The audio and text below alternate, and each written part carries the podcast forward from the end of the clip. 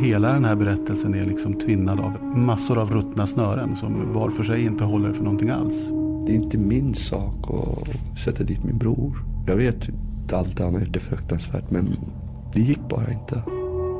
I första avsnittet av Spår hörde ni hur bråk mellan den yngsta utav tre dömda bröder Oran och offret Rado eskalerade till en avrättning i Rinkeby tunnelbanestation i februari 2002.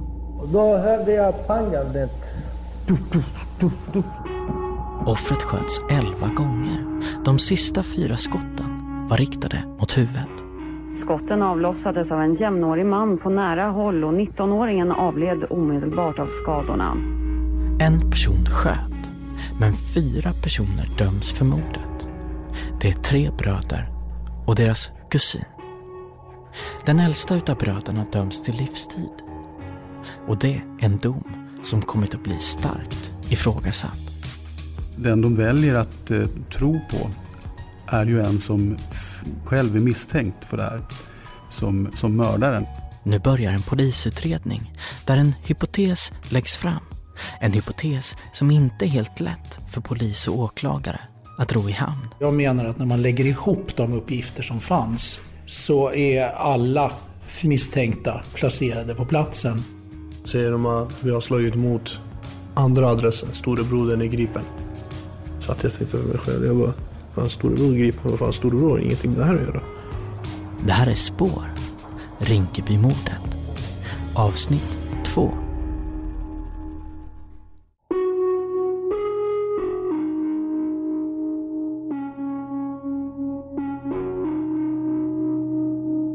Du lyssnar på Spår om Rinkebymordet. Del 2. Hypotesen.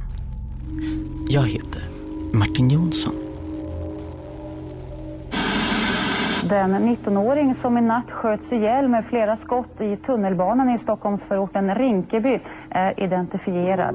Ett mord har precis skett i Rinkeby tunnelbanestation i Stockholm. Året är 2002. Och offret, Rado, har blivit skjuten 11 gånger. Fyra gånger i huvudet. Ännu inga gripna. Men polisen letar för fullt efter spår och vittnen som ska leda dem rätt. Polisen har ännu inte hittat någon förklaring till mordet och förövarna är fortfarande på fri fot. Åklagaren i fallet är Henrik Söderman. Han ledde förundersökningen. Henrik Söderman? Ja, hejsan Henrik. Jag heter Martin Jonsson och är radiojournalist. Äh, ringer olämpligt? Kan du vänta en halv sekund? Jag ska bara sätta på en sån här pratmoj. Vänta lite. Yes. Det var strax före midnatt som en 19-årig man blev skjuten till döds av flera skott i tunnelbanan i Rinkeby. Just det, det var det. Det kommer jag ihåg. Gärningsmannen slöt upp med tre andra personer och sprang iväg från platsen. Därför att eh, jag var nämligen och åkte skidor i, eh, i Åre samtidigt som de frihetsberövades. Så att jag satt på Åreskutans topp och anhöll. Polisen sätter omedelbart igång med en omfattande undersökning. De mottar 24 tips om vem som skulle kunna begått mordet. Och under det första dygnet intervjuar man 38 personer som antingen var vittnen eller som kan berätta bakgrunden till mordet. Man upptäckte ju då den här ynglingen som verkade springa ifrån någonting in i biljetthallen. Två dagar efter mordet beskriver den ansvariga polisutredaren händelseförloppet så här. Han hinner bara några få meter in i biljetthallen när det här mindre gänget med ungdomar kommer då, där någon då avlossar skott emot honom. Man står alltså bara några meter ifrån honom när de här skotten avlossas. Den här förundersökningen lägger grunden för åtalet mot de tre bröderna och deras kusin. Det som leder till att den äldsta utav bröderna, Öskan Gildis, blir dömd till livstid fängelse. Det här är en dom som senare kommer att bli kraftigt ifrågasatt. Inte bara av försvarsadvokater och journalister som granskat fallet, utan även av andra som kommit att engagera sig. Jag är på väg till en sån person. En som har lagt år av sitt liv för att försöka reda ut det här fallet. Han har sitt kontor i centrala Stockholm. Eh, Olle Schubert heter jag. Jag är VD på ett eh, konsultföretag som heter New Republic. Som har huvudkontor här i Stockholm. Mm. Där vi sitter just nu. För över tio år sedan satte Aftonbladet Olle Schubert i kontakt med den yngsta av de nu dömda bröderna, Orhan Yildiz. Det är ett möte som kommer resultera i att opinionsbildaren Olle Schubert startar en kommitté, den så kallade Rinkebykommittén, som består av en grupp journalister, advokater och jurister som granskat fallet. Han ville få fram berättelsen om sina bröder som, som han då menade satt oskyldigt dömda. Mm. Och på det sättet så började jag engagera mig i det här och läste på mer och mer. Och ju mer jag läste desto mer framstod det här som allt mer obegripligt. Vad tänkte du när han sa då första gången att mina bröder sitter oskyldigt dömda? Ja, det, jag tog inte så stor notis vid det. Jag tror att det är många som säger att, att ens nära och kära som sitter i fängelse är oskyldiga. Så jag hade inget, jag la inget särskilt i det den gången. Jag tror faktiskt att det som fick mig att riktigt gå igång från början det var ett språkbruk i tingsrättens dom som kändes eh, fördomsfullt. Hur menar? Det här skulle inte ha hänt mig. Det skulle inte ha hänt dig. Vi skulle inte bli hanterade på det här sättet. Det är helt otänkbart. Jag, jag är inte så beredd att, vad är det nu, 13 år, år efter det här ge mig in i en debatt om, om, om, om rätt och fel. Just det. Um, så att, ja, men du är välkommen och du får ställa vilka frågor du vill så får vi se vad jag svarar helt enkelt.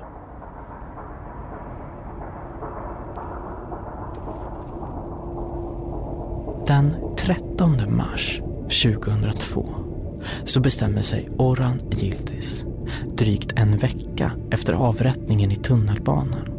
Den avrättningen som han senare kommer att dömas för, för att åka hem och hälsa på sin familj. Jag kommer ihåg, jag, jag var inte hemma på en vecka. Jag höll mig lite borta och sånt. Så en kväll så bestämde jag mig, jag åker hem. Så ser jag en kompis komma bil. Tittar han på mig, tjena, är det bra? Det är bra. Kan du skjutsa mig till Rinkeby? Han bara, absolut. Så körde han mig. Då, då ser jag mig bak. Då ser jag, alltså jag lovar dig, det är 13 polisbilar. Det är som om presidenten kommer. Lampor och sådär åker på varandra. Så jag gasa, sa jag. Gasa. Han bara, jag gasar, sa jag. Så han åker. Släppte av mig och åkte han därifrån. Pappa kommer ut. Möter pappa. Kramar och pussar. Helt iskallt. Går in i huset. Jag har rökt hasch och depåtänd och sådär. Pratar i telefon och så. Så somnar jag liksom. Så hör jag fem, halv sex på morgonen. Knackande på dörren. Bom, bom, bom, bom, bom, bom.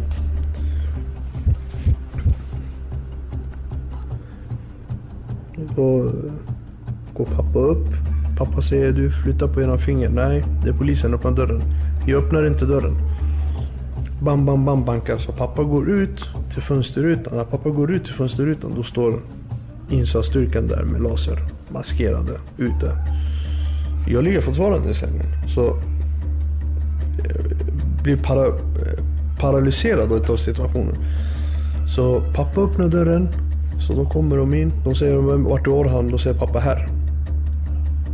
Då vaknar jag till. Två poliser går höger av dörrens sidan och eh, två på vänster sidan. Alltså alla fyra huvuden tittar in på mig med dragna vapen. Mot mig. Då säger de Gildes. Då säger han eh, lugnt och fint, dra av dig tecken. Ja, visa händerna synligt, dra av täcket, gå försiktigt upp. Och sen tar de mig, bojar mig. Så hör jag liksom... Har du någonting på dig? Ser ut som att jag har någonting på mig. Eh, sen tar de mig, bojar mig. Tog de in mig i bilen. Sen får jag höra i bilen. Då säger de att vi har slagit mot eh, andra adressen. Storebrodern är gripen. Ja, jag låg och sov när de kom och hämtade mig. Det var...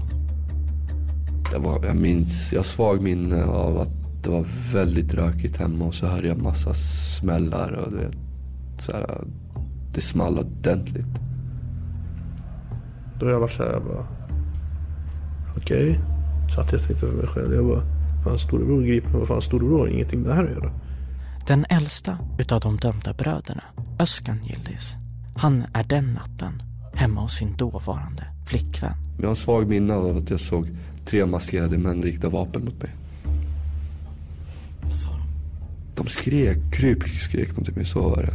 Jag fattar fortfarande ingenting. Sen när Therese kramade om mig, då, min ex då. Ja, då såg jag alltså. Då tittade jag på henne, tittade jag på henne. Jag bara, fan det här är på riktigt det här. Jag minns att vi skulle åka på så här ultraljud den dagen. När de grep mig. Mm. Det kommer jag aldrig glömma. Ja. Så satte de på mig mina, bara gympabyxor, ingenting annat. Och bojade mig. Och ja, så ställde de mig mot en vägg och så filmade de mig. Det kommer jag ihåg. Sen ja, körde de mig raka vägen. Ingenting annat på. Hade jag. Körde mig till arresten i Solna. Då såg jag min farbror. Då såg jag honom där. Då stod han där utanför och rökte. Tänkte. Ja. Tänkte du då? Jag vet inte. Alltså, jag tänkte, vad fan. Då visste jag vad det var, vad det gällde. Öskans farbror. Han som står där utanför på parkeringen och röker när Öskan frihetsberövas. Han gör sin entré i polisens utredning genom två anonyma telefonsamtal. Det var ju vid tio tiden som eh, det ringde en man som ville vara anonym. Och eh, han ville då, hade information att lämna som hade att göra med, med skjutningen. Förhörs polisen som tog emot samtalet under tingsrättsförhandlingarna. Han var, verkade väl insatt i vad som hade inträffat. Han eh, började med att berätta då att vem det var som hade skjutit. Den anonyma personen pekar inte ut den yngsta av de dömda bröderna Oran, utan förvånande nog någon helt annan. Den anonyma personen pekar ut farbrodern. Alltså han som står ute och röker. Som den som sköt. Och han eh, namngav då en person mm. som den person som skulle ha skjutit. Och eh, känner jag naturligtvis sedan tidigare genom mitt, mitt arbete. Då, för han är ju kriminellt belastad sedan lång tid tillbaka. Och, eh, han eh, berättade även eh, att det här var planerat. Att man från början hade tänkt att eh, kidnappa offret och föra ut honom till Järvafältet. Och eh, där döda honom och sedan gömma undan honom där. Farbrodern är heroinist. Och enligt utlåtande från Rättsmedicinalverket har han blivit diagnostiserad som narcissist med borderline-störningar med antisociala drag.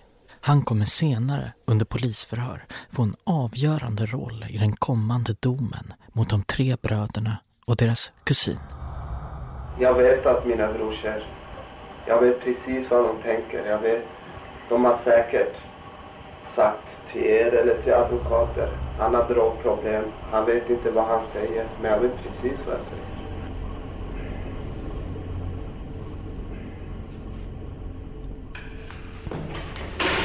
Det har gått 13 år nu och Henrik Söderman som då var åklagare arbetar numera som kammaråklagare vid internationella åklagarkammaren i centrala Stockholm. Hej, trevligt. Jag träffar honom på hans kontor. Uh, strax efter halva. Hon är alltså 34. Vi har, vi har 35 minuter på oss. Ja. 40. Va, vad tänkte du när du liksom fick höra det som hade hänt liksom? Själva händelsen var ju ganska... eh, Den inträffade ju inför ett antal personer, i synnerhet en person som iakttog själva, själva brottets begående. Eh, Och den skedde ju på en offentlig plats. Någon gång vid tiden var det helt Spärrvakten, som såg allt. tomt framför mig. Så att eh, det var ju en relativt fattbar händelse som sådan. Det var sådär lite ödeslugnt. Så här säger spärrvakten under tingsrättsförhandlingarna. En manlig person mellan 16 och 18, 19 eh, rusar in i biljetthallen. Dörren öppnas. Vad händer då? Och då hörde jag pangandet. Tuff, tuff, tuff, tuff. Och så går han framåt. Då hördes ett skott. Där Radu var redan liggande. Då kom två skott till. Det var i stort sett, som jag uppfattade riktade mot huvudet. Och det, det var slut alltså. Och det hela som hände i hallen, det gick på fyra sekunder. Okej. Det hela var över på fyra sekunder, menar vittnet. Finns det någon annan person än de här två som du berättade om nu som du kan se? Bakom den här rutan står tre silhuetter. Som smilegubbar. Man skulle rita smilegubbar. Ja. Spärrvakten säger sig observera från sitt spärrbås tre stycken silhuetter. De är över 20 meter bort, utanför tunnelbanestationens stängda dörrar. Han säger att de står och ler, som smilegubbar. Det som jag ser utav dem, det är som är vaga konturer. Han säger att han inte ser dem tydligt, utan det är de här vaga konturerna som ler. Och i alla fall, det är så, de står så här och smile. Polisen, de utvecklar en hypotes. Bröderna och deras kusin har planerat och utfört mordet tillsammans. Och konflikten som från början bara var den yngsta av de nu dömda bröderna Orhan Yildiz är numera allas. Det verkar vara ett självklart fall.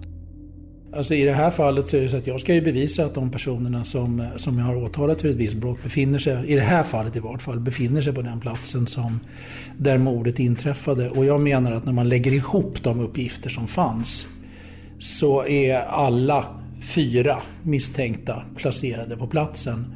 Eh, och de två äldre bröderna de är framförallt placerade på platsen med, med telefontrafiken på deras telefoner. För deras telefoner befann sig i Rinkeby båda två i samband med att det här brottet inträffar. Vi kommer att återkomma till just telefonerna i ett senare avsnitt. Men jag kan konstatera redan nu att det som på ett sätt var självklart då är mer nyanserat än så.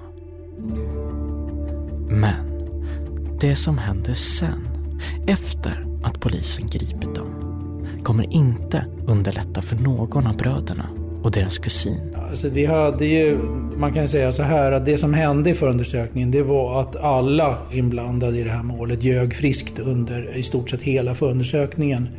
Fram till åtalsväckande. Eh, vad de gjorde, vilka de hade kontakt med och sådana saker. Varför tror du att de ljög så mycket? Jag tror att de ljög så mycket därför att de eh, ville dölja vad de egentligen hade varit. Och vad de hade gjort. I förra avsnittet kunde ni höra hur den äldsta av de nu dömda bröderna, Öskan Yildiz, sa sig ha lånat ut sin telefon till den yngsta av de dömda bröderna, Oran. Medan Öskan säger sig ha befunnit sig i Gävle. För att han skulle ha någon SOS-möte tror jag det var. Dagen efter. Och bara för att kunna få tag på honom. För vi vet ju hur han är. Och det är inte första gången jag har lämnat över telefonen. Vet, ibland kunde jag, när jag sov hemma hos mamma, kunde jag vakna. Du vet, då hade han tagit på sig mina skor och gått ut. Men det här berättar inte Öskan för polisen som vet om att hans telefon är i Rinkeby under natten då mordet skedde. Varför jag kanske inte berättade också för, att, för dem vem det var som hade min telefon. För jag ville inte, alltså, hade det varit, idag hade jag ju självklart gjort det. Det hade jag gjort från dag ett. Men det är inte min sak att sätta dit min bror. Jag vet att allt han har gjort är fruktansvärt men det gick bara inte. Jag kunde inte det. Han var tvungen att kliva fram själv. För jag var ju, alltså, jag tänkte ja, nästa äktenskapsförhandling så släpper de mig. Så tänkte jag så hela tiden. Jag tänkte de kommer ju släppa mig förr eller senare. Men, äh. Många stenar i den här historien har redan blivit vända på förut. Av människor som opinionsbildaren Olle Schubert som leder Rinkebykommittén och andra journalister som också granskat fallet. Men spår avslöjar nu något som aldrig tidigare kommit fram. Det handlar om ett erkännande. Ett erkännande som kan förklara varför bröderna ytterligare valde att försvåra situationen de befann sig i genom att ljuga. men det är lite mitt fel också. Jag kan säga det också. Hur då menar du? Ja, bara säga så. Det var lite mitt fel också. Det här. Att Deras pappa sa till dem att inte säga sanningen. Vi har sagt till Luskan att du ska inte säga att du har lånat till till vilken kille. Och därför jag sa att det var mitt fel det också. Det var så. För han vet allt. I förra avsnittet kunde ni höra hur brödernas pappa redan under samma natt fått reda på att den yngsta av de nu dömda bröderna Oran skjutit en person i tunnelbanan. Jag fick klockan, jag vet inte, det är någon som har ringt till mig. En kompis som jag känner. Det var din son har skjut. Så här berättar deras mamma idag om hur den yngsta av de dömda bröderna Oran erkände mordet precis innan han greps. Något som hon inte berättade för polisen. Orhan gjorde panik. Då när kommer polisen, jag vet, han säger mamma det jag har skjutit. Han säger mamma det jag har gjort. Inte heller pappan berättade något. Jag ska bara säga, precis säga sanningen. Det var Orhan som har gjort det. Men det är klart, jag inte pratade. Och jag var tyst hela tiden också. Jag var tyst hela tiden. Men pappan har ett annat skäl att inte vilja samarbeta med polisen. Det är ett skäl som ligger långt bak i hans förflutna. Det är inte bara, bara mellan mig och, och... Det är inte just nu. För att... Det här är... Ja, 79-talet kan jag säga. 70, nej, 79 eller 80-talet. Jag har problem med poliser. Jag har stort problem med dem. Berätta. Det är 80-talet mellan mig och Säpo. Det här är en annan sak. Om Säpo har inte med att göra med mig, de kan komma att göra med mig. Men inte mina söner. På den tiden, de kunde inte göra någonting. Men nu, just nu, vi ska ta hans son. Och därför de har gjort det här. För över 30 år sedan hade polisen span på brödernas pappa. Man börjar med att titta på de här som är utpekade. Man bodde i Sollentuna och eh, vad gör de om dagarna? Vi kunde konstatera tidigt att eh, de åkte omkring i eh, väldigt då fina bilar. Och, eh, att de inte jobbade. En dag i oktober i slutet av 70-talet får polisen i Huddinge ett anonymt telefonsamtal. Rösten säger Turkarna i Sollentuna säljer heroin. Och så här låter det när Kristoffer Hansson och Fredrik Jonsson intervjuar en av spaningsledarna i P3-dokumentären Skomakarligan. Det jag kommer ihåg den sysselsättning man hade det var att åtminstone några av dem städade. Städjobbet var väl den fasad som man visade upp. Men man hade så eh, fina bilar och eh, hade så mycket pengar så det var helt orealistiskt att eh, det skulle kunna komma ifrån sån verksamhet. Pappan var en del av det som kom att kallas Turkligan och Skomakarligan som smugglade heroin in i Sverige. Heroin från östra Turkiet som i sin tur smugglats in från Iran, Irak och Afghanistan. Jag tror att eh, man har alltid sett Gildes-familjen som en maffiafamilj. Så här berättar den yngsta av de nu dömda bröderna Orhan Yildiz om hans pappas förflutna. Eh, polisen eh, gjorde jättestort jobb. Det var mycket droger. Eh, det var utländska människor som kom till Sverige som styrde och ställde handeln. Då var det som skomakarligan, turkligan. De, pappa de var en av de största i Stockholm eh, för många, många år sedan. Men det är alltså detta, över 30 år tillbaka i tiden, som gör att brödernas pappa dels inte vill samarbeta med polisen, men också det som gör att han tror att polisen vill sätta dit hela familjen Gildis genom att gripa bröderna. Men de vill ha, ta fyra friska killarna, att de ska knäppa Gildis familj, polisen. Och därför de gjort det här. Life is full of awesome what ifs, and some not so much, like unexpected medical costs. That's why United Healthcare provides Health Protector Guard fixed indemnity insurance plans to supplement your primary plan and help manage out of pocket costs. Learn more at uh1.com. If you're looking for plump lips that last, you need to know about Juvederm lip fillers. With Juvederm Volbella XC and Juvederm Ultra XC, your lip look, whether it's subtle or bold, can last up to one full year with optimal treatment and no additional maintenance. Find a licensed specialist and see if it's right for you at juvederm.com today. That's J U V E D E R M.com. Add fullness to lips in adults over 21 with Juvederm Volbella XC or Juvederm Ultra XC. Do not use if you have severe allergies or a history of severe allergic reactions, or if you're allergic to lidocaine or the proteins used in Juvederm. Tell your doctor if you have a history of scarring or taking medicines that decrease the body's immune response or that can prolong bleeding. Common side effects include injection site redness, swelling, pain, tenderness, firmness, lumps, bumps, bruising, discoloration, or itching. As with all fillers, there's a rare risk of unintentional injection into a blood vessel, which can cause vision abnormalities, blindness, stroke, temporary scabs, or scarring. For full important safety information, visit juvederm.com.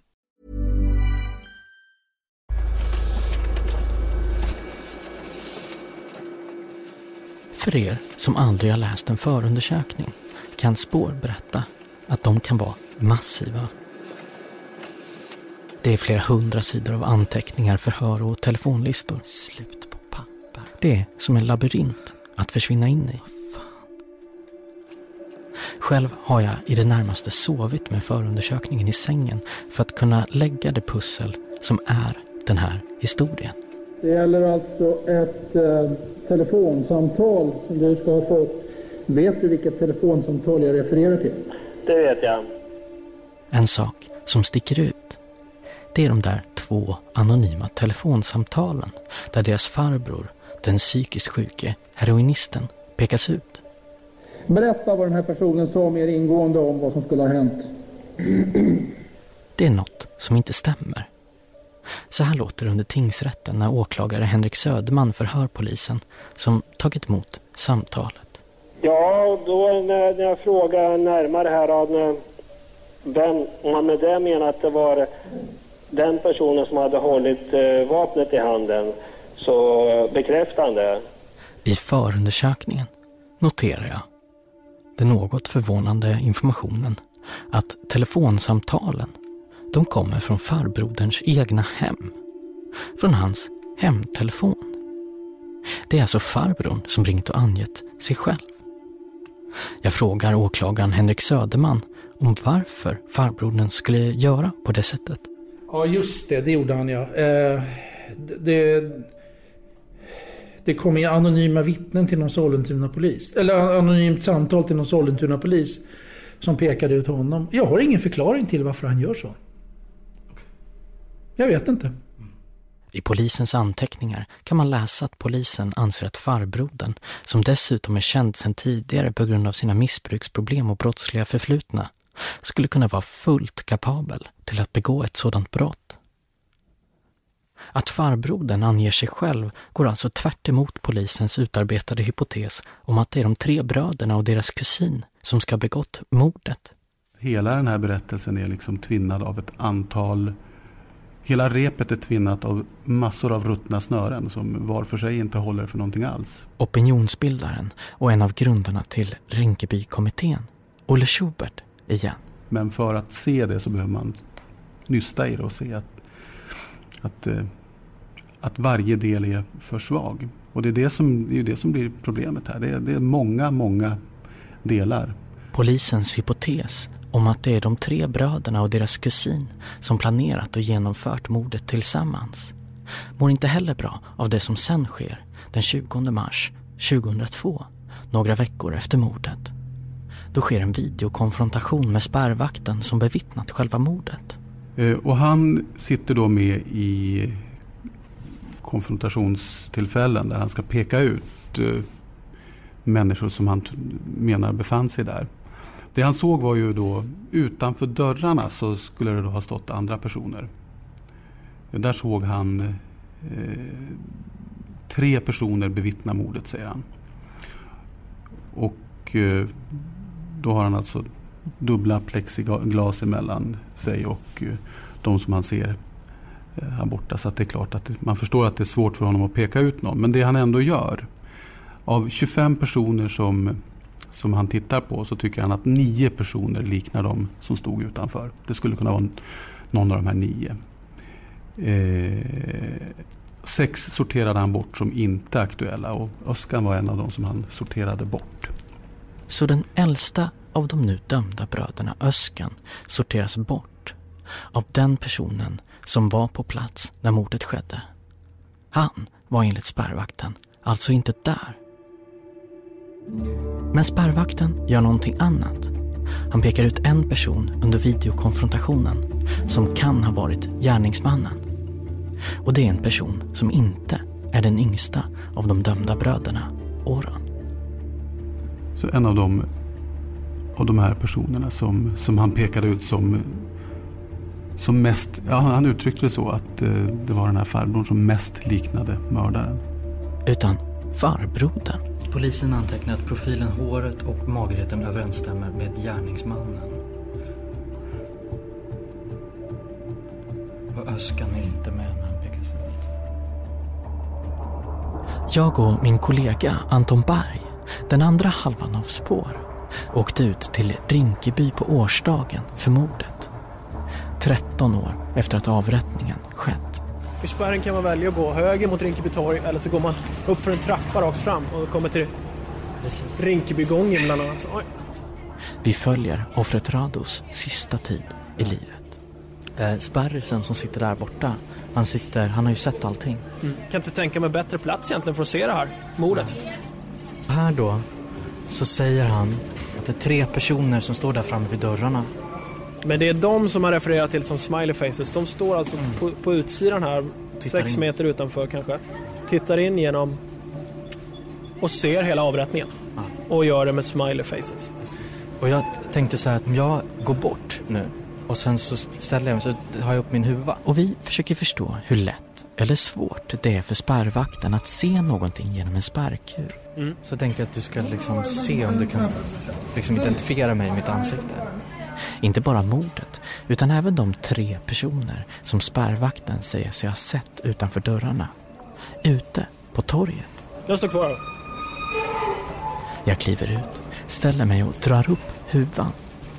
Anton är kvar där inne vid spärrkuren och försvinner bakom dörrarna. Jag kunde ju inte se ditt ansikte. Det är jättesvårt. Att identifiera den som sköt på det här avståndet, det tror Anton att han skulle kunna göra. Men han har mycket svårare att identifiera någon som står bakom stängda dörrar. Alltså de extra, vad kan det handla om, 6-8 meter. De gör det ju jättesvårt att identifiera helt plötsligt. Så att han identifierar Orran, det, det tror jag på i vilken dag som helst. Men att han identifierar någon utanför, det måste vara mycket svårare. Det är ju naturligt att tänka att man tänker offer och förövare väldigt tydligt. Vem skjuter vem här liksom? Det, det tror jag att man kommer att titta på. Eller sådär. Men sen de andra då, vilka, var de två, var de tre, var de fem? Liksom? Jag tror att redan där är man ute och cyklar väldigt lätt. Alltså det är så här, hur ska man kunna veta i det panikögonblicket vilka som varit inkopplade kopplade till ett mord eller inte? Hur ska man kunna veta vem som är inblandad eller inte? Nej, Ja, och ja. smiley faces, jag vet inte. Ja, det finns mycket oklarheter här liksom. För jag kan tänka mig att folk flinar om de ser att folk har haft ett slagsmål och den ena killen slår ner någon annan. Men det blir ju jävligt otäckt om folk verkligen är, förstår att det är en avrättning man ser och ändå ler. Liksom.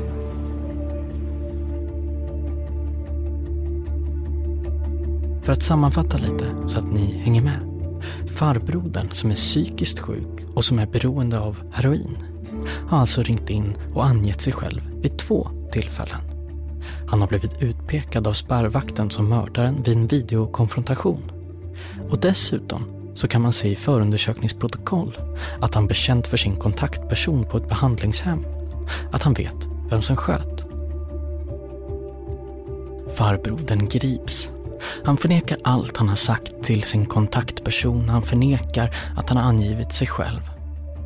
Men den 22 mars delges han misstanke för inblandning i mordet och han får veta att spärrvakten pekat ut honom som mördaren. Farbrodern tar inte lätt på informationen. Två dagar senare på kvällen, under svår heroinabstinens, så skadar han sig själv allvarligt. Är det riktigt att du begick ett självmordsförsök på häktet? Ja. Så här låter det när advokat Thomas Olsson förhör farbrodern i hovrätten. Och hur djupt skar du i armen sa du? Var riktigt senare och det hade gått av. Hur många stygn fick du syna? Ja, mellan antingen 27 eller... Han skär sig djupt i armen och flera senor går av och han sys ihop med 27 stygn. Ja. Så här ser det ut. Härifrån ända hit.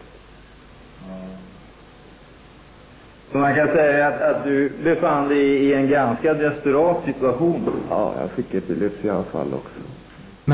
Redan nästa dag så ska han höras av polis. Det kommer jag ihåg ganska kristallklart just det förhöret. Bakgrunden var att jag var förordnad för den här personen som offentlig försvarare på hans begäran. Och så här minns hans advokat, Peter Linkvist, just den dagen. Och den personen hade jag haft flera ärenden för under många år. Så det var en för mig känd person. Och han var häktad och placerad på Kronobergshäktet. Peter Linkvist befann sig på Kronobergshäktet i ett helt annat ärende. Nu för tiden får man inte ha mobiltelefoner med sig in. Men då var det annorlunda och telefonen ringer. Och blev uppringd av en polis som eh, helt enkelt upplyste mig om att nu skulle man hålla förhör med min klient. Och då föreslog jag att jag skulle förflytta mig från den avdelning på häktet som jag var på när jag var klar till den avdelning där förhöret skulle hållas. Och innan förhöret skulle starta så bad jag att få tala med min klient i enrum eh, eftersom jag då fick reda på två saker. Det ena var att polisen hävdade att förhöret var begärt av min klient. Eh, vilket förvånade mig. Det andra var att min klient hade tillbringat natten på sjukhus för att han hade skurit sig i handleden. Jag bedömde i alla fall som ett tecken på att han eh, inte mådde psykiskt bra. Att han inte var i balans. Så vid det enskilda samtalet så gick jag igenom med honom varför han hade påkallat förhör och vad det var han tänkte säga. Eh, och försökte göra en bedömning av hur pass eh, orienterad han var.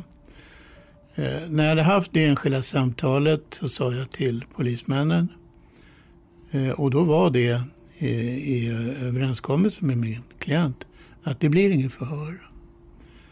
Eh, jo, det blir det visst, det sa de och jag eh, sa då att jag tänker inte delta i det förhöret. Jag eh, anser inte att han är i skick att förhöras.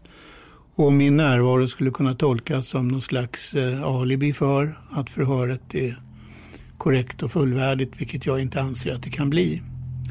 Därför gick jag. Så här minns åklagaren Henrik Söderman det tillfället. Nej, det var ett val som han gjorde. För trots att hans advokat Peter Linkvist bedömt farbrodern som att han inte kan förhöras så finns det noterat i polisprotokollen att farbrodern efter det att Peter Lindqvist gått ändå ville bli förhörd. Vilket polisen gör. Och sen hörde av sig igen om jag minns rätt och, och ville bli förhörd. Och då var advokaten medveten om att Versendes ville bli förhörd.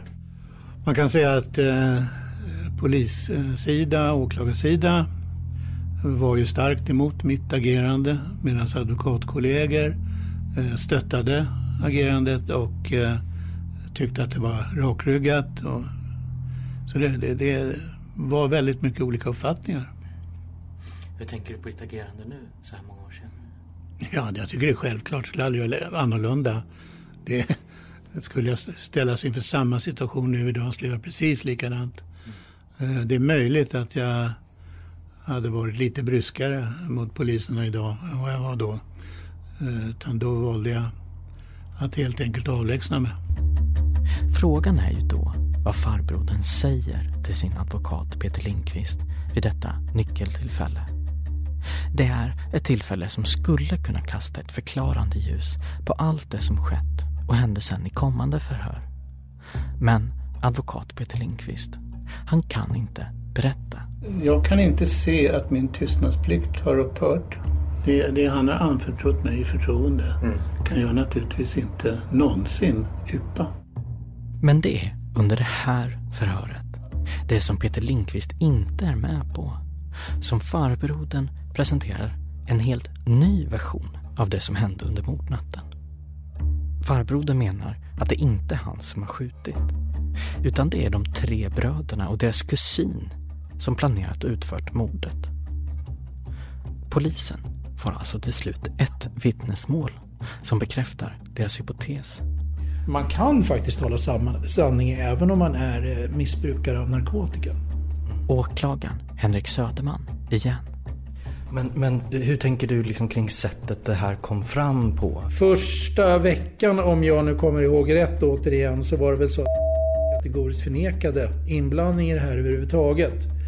Eh, och sen eh, när han hade varit häktad en, en, ungefär en vecka så var det han som tog kontakt med polismän och ville lämna en berättelse. Och det är ju den berättelsen sen som i allt väsentligt ligger till grund för, för de eh, åtgärder vi sen vidtar. Men det är just de åtgärderna som opinionsbildaren och en av grundarna till Rinkebykommittén, Olle Schubert, tycker är problematiska. Lite senare så, så ordnades en, en, ytterligare en videokonfrontation där spärrvakten var med. Och den gången var då Öskan Önder Orran och kusinen Ayan med bland de här personerna. Det var totalt 17 personer som, som förekom. Det var en, en, en video som, som han fick titta på. En avgörande skillnad på den här videokonfrontationen och den föregående det är att den här gången är farbrodern inte med. Han har gått från att vara en av de huvudmisstänkta till att bli ett vittne. Vid det laget så är det ju farbrorn som är vittne. Som, som är den som har pekat ut sina eh, brorsöner. Eh, och när då spärrvakten tittar på det här så pekar han ut Orran och säger att det kan vara gärningsmannen. Det är ju samma person som jag pekade på förra gången, sa han. Och förra gången var det då farbrorn som han pekade ut. Men det viktiga i det här är ju att eh, han väljer bort sex personer som inte kunde ha hört till de som stod utanför dörrarna. Eh, och Öskan var en av dem. Det enda vittnet som kan knyta den äldsta brodern Öskan till mordet och samtidigt ge ett motiv är alltså farbrodern. Det medger även åklagaren Henrik Söderman. Öskan då? Vad är det som binder honom till platsen? Uppgifter. Men det finns ingen som har sett honom? Eh, det finns nog många som har sett honom men vi har inte hittat någon som har berättat om det.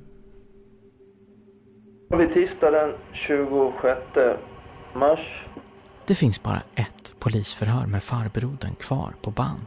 Och det är det som sker två dagar efter att han skurit sig i armen och dagen efter det han har pekat ut sina brorsöner som de som begått mordet. Klockan är 15.05 eh, och är det okej okay om vi ställer några frågor här utan biträde av advokat? Ja. Polisen försöker förstå varför farbrodern angivit sig själv. Eh, de här, varför tipsen till polisen och varför ditt eget namn och så här? Jag tänkte om polisen tar mig då kanske polisen hajar ungefär vilka det är.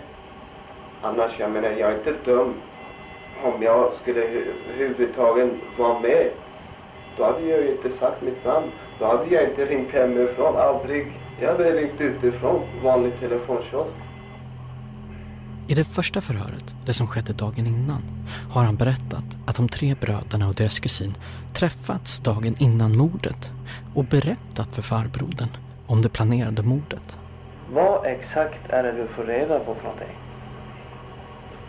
Som jag sa tidigare. Ja. Vil, vilka är där på platsen då? Alla fyra faktiskt, om jag inte har fel. Är det någon fler där? Det fanns flera ungdomar, men jag vet inte. Det är bara att folk inte vågar framträda. Enligt farbrodern planerade alltså de tre bröderna och deras kusin mordet på en samlingsplats framför vittnen som inte vågat framträda. Hur, kommer du ihåg i vilket tillstånd du själv var den dagen? Jag var drogpåverkad. Vad hade du tagit då för någonting då? Vet du det? Ja, säkert heroin. Det är bara det som Ja. jag går på. Men eh, i, även så vet jag i alla fall vad jag säger. Ja. Jag, Dagen efter mordet berättar farbrodern i förhöret att han träffat dem alla fyra igen. Och då ska de ha erkänt. Och hur, hur gick det där till då? då? Ja, då, då berättade de att det var de som hade gjort det. Förhören som hålls med farbrodern mellan den 25 mars och den 3 april 2002 anses både av hovrätt och tingsrätt att vara rättframma och tydliga. Något som Olle Schubert inte är beredd att hålla med om. Man kan ju för guds skull inte låsa in en småbarnspappa på bevisning som inte håller för någonting alls. Gör inte det? Håller inte beviset? Nej, det gör ju inte det. Varför inte då? Därför att eh, i grund och botten så, så baseras det på utsagor från en person som har ljugit massor av gånger innan. Han har ljugit massor av gånger efteråt. Och han hade goda skäl att hitta på det här. Olle Schubert läser ur tingsrättens dom där förklaringen finns till varför de väljer att tro på farbrodern. Med hänsyn, med hänsyn till att det i målet på olika sätt kommit fram att sammanhållningen inom släkten Gildis är påfallande stor är också detta ett skäl som, framstår, som gör att det framstår som i hög grad osannolikt att farbrodern oriktigt skulle ha velat utpeka sina brorsöner för synnerligen allvarlig brottslighet. Det är ju resonemang som, som leder väldigt, väldigt långt och egen, egendomligt i det här fallet. Här plockar man ju alltså ut eh, en berättelse av sammanlagt, jag tror det är fem stycken, som, eh, som den här farbrorn ger. Eh, och det beskriver, det beskriver då domstolen som en rättfram, klar och sammanhängande berättelse. Det är alltså inte en berättelse, det är fem olika berättelser. De är fullständigt disparata för det första. Och för det andra så är ju det den de väljer att eh, tro på är ju en som, som eh, farbrorn tar till när han vet att han själv är misstänkt för det här. Som, som mördaren i en videokonfrontation. Då i det skedet så börjar han berätta om andra som är skyldiga till, till det här. Att han själv är oskyldig. Han har hört andra prata om att de ska göra det här. Det, man borde ju naturligtvis inte lyssna på honom överhuvudtaget. Men om man ska göra det så borde man ju lyssna på alla de här versionerna och konstatera att det, det hänger inte ihop. Eh, Sista frågan. Hur, hur ska man förklara ah, varför en, en heroinist är tillförlitlig som, som ett vittne? Alltså grunden för det, det är ju att vi fick ju kolla de uppgifter han lämnade mot annan information som vi hade. Och det visade sig då stämma i väsentliga avseenden. Alltså det är ju inte så att om man, om man skulle låta en person som missbrukar narkotika redogöra för en händelse som inträffar så, så är ju sannolikheten ganska stor att han har gjort riktiga iakttagelser även om han är narkotikamissbrukare. Men, men med hänsyn till eh, tillstånd och eh, ja, lite hans eventuella motiv att lämna de här felaktiga uppgifterna också så fick vi kolla de uppgifterna mot annan information. Och det var ju då vi kom fram till att i allt väsentligt så stämmer hans uppgifter med vad vi visste utan att han visste att vi visste. Hade vi bara haft hans uppgifter om det här så hade det inte räckt för en fällande dom. Men det var inte så. De uppföljande förhören med farbrodern blir mer och mer tydliga. Han berättar mer och mer uppgifter som ska knyta de tre bröderna och deras kusin till mordplanerna. En dåvarande doktorand i juridik, Lena Schelin, numera vid Ekobrottsmyndigheten, ska senare skriva en analys av de förhören som skett med farbrodern i samband med de kommande rättegångarna. Hennes slutsats är följande. Utsagorna kan inte anses ha sådant innehåll att de uppfyller kraven på att vara klara och sammanhängande. Detta beror främst på den genomgående bristen på detaljer. Ovanstående förhållande gör att det starkt kan ifrågasättas om farbroderns uppgifter är av sådan kvalitet att de uppfyller domstolens krav på att utsagan ska vara fullt tillförlitlig för att de ska kunna lägga grund för en fällande dom. Jag minns min förvåning över att man hade eh, lagt så stor vikt vid hans i en viss situation lämnade uppgifter. Jag frågar advokat Peter Lindqvist om vad han tänker om farbroderns vittnesmål. Och vad som sen hände i hovrätten var tydligen eh, att man hade gått väldigt mycket på hans uppgifter när det gäller andras agerande. Och det förvånar mig. Är det vanligt? Nej, det är inte vanligt. Det är... Ja, jag tycker det är felaktigt helt enkelt att göra så.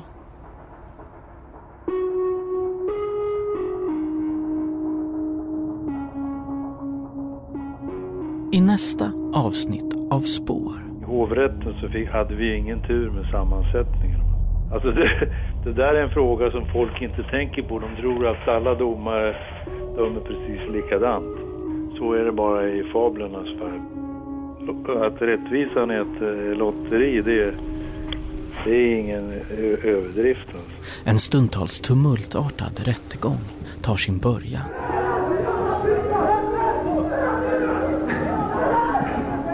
Det är en rättegång som till och med utbryter i slagsmål och där vittnen som sagt en sak i förundersökningen plötsligt ändrar sig.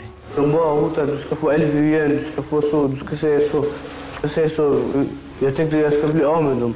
Till och med farbrorn som gett polis motiv och mordplan ändrar sig. Men förklara varför du sa som du gjorde vid det här tillfället.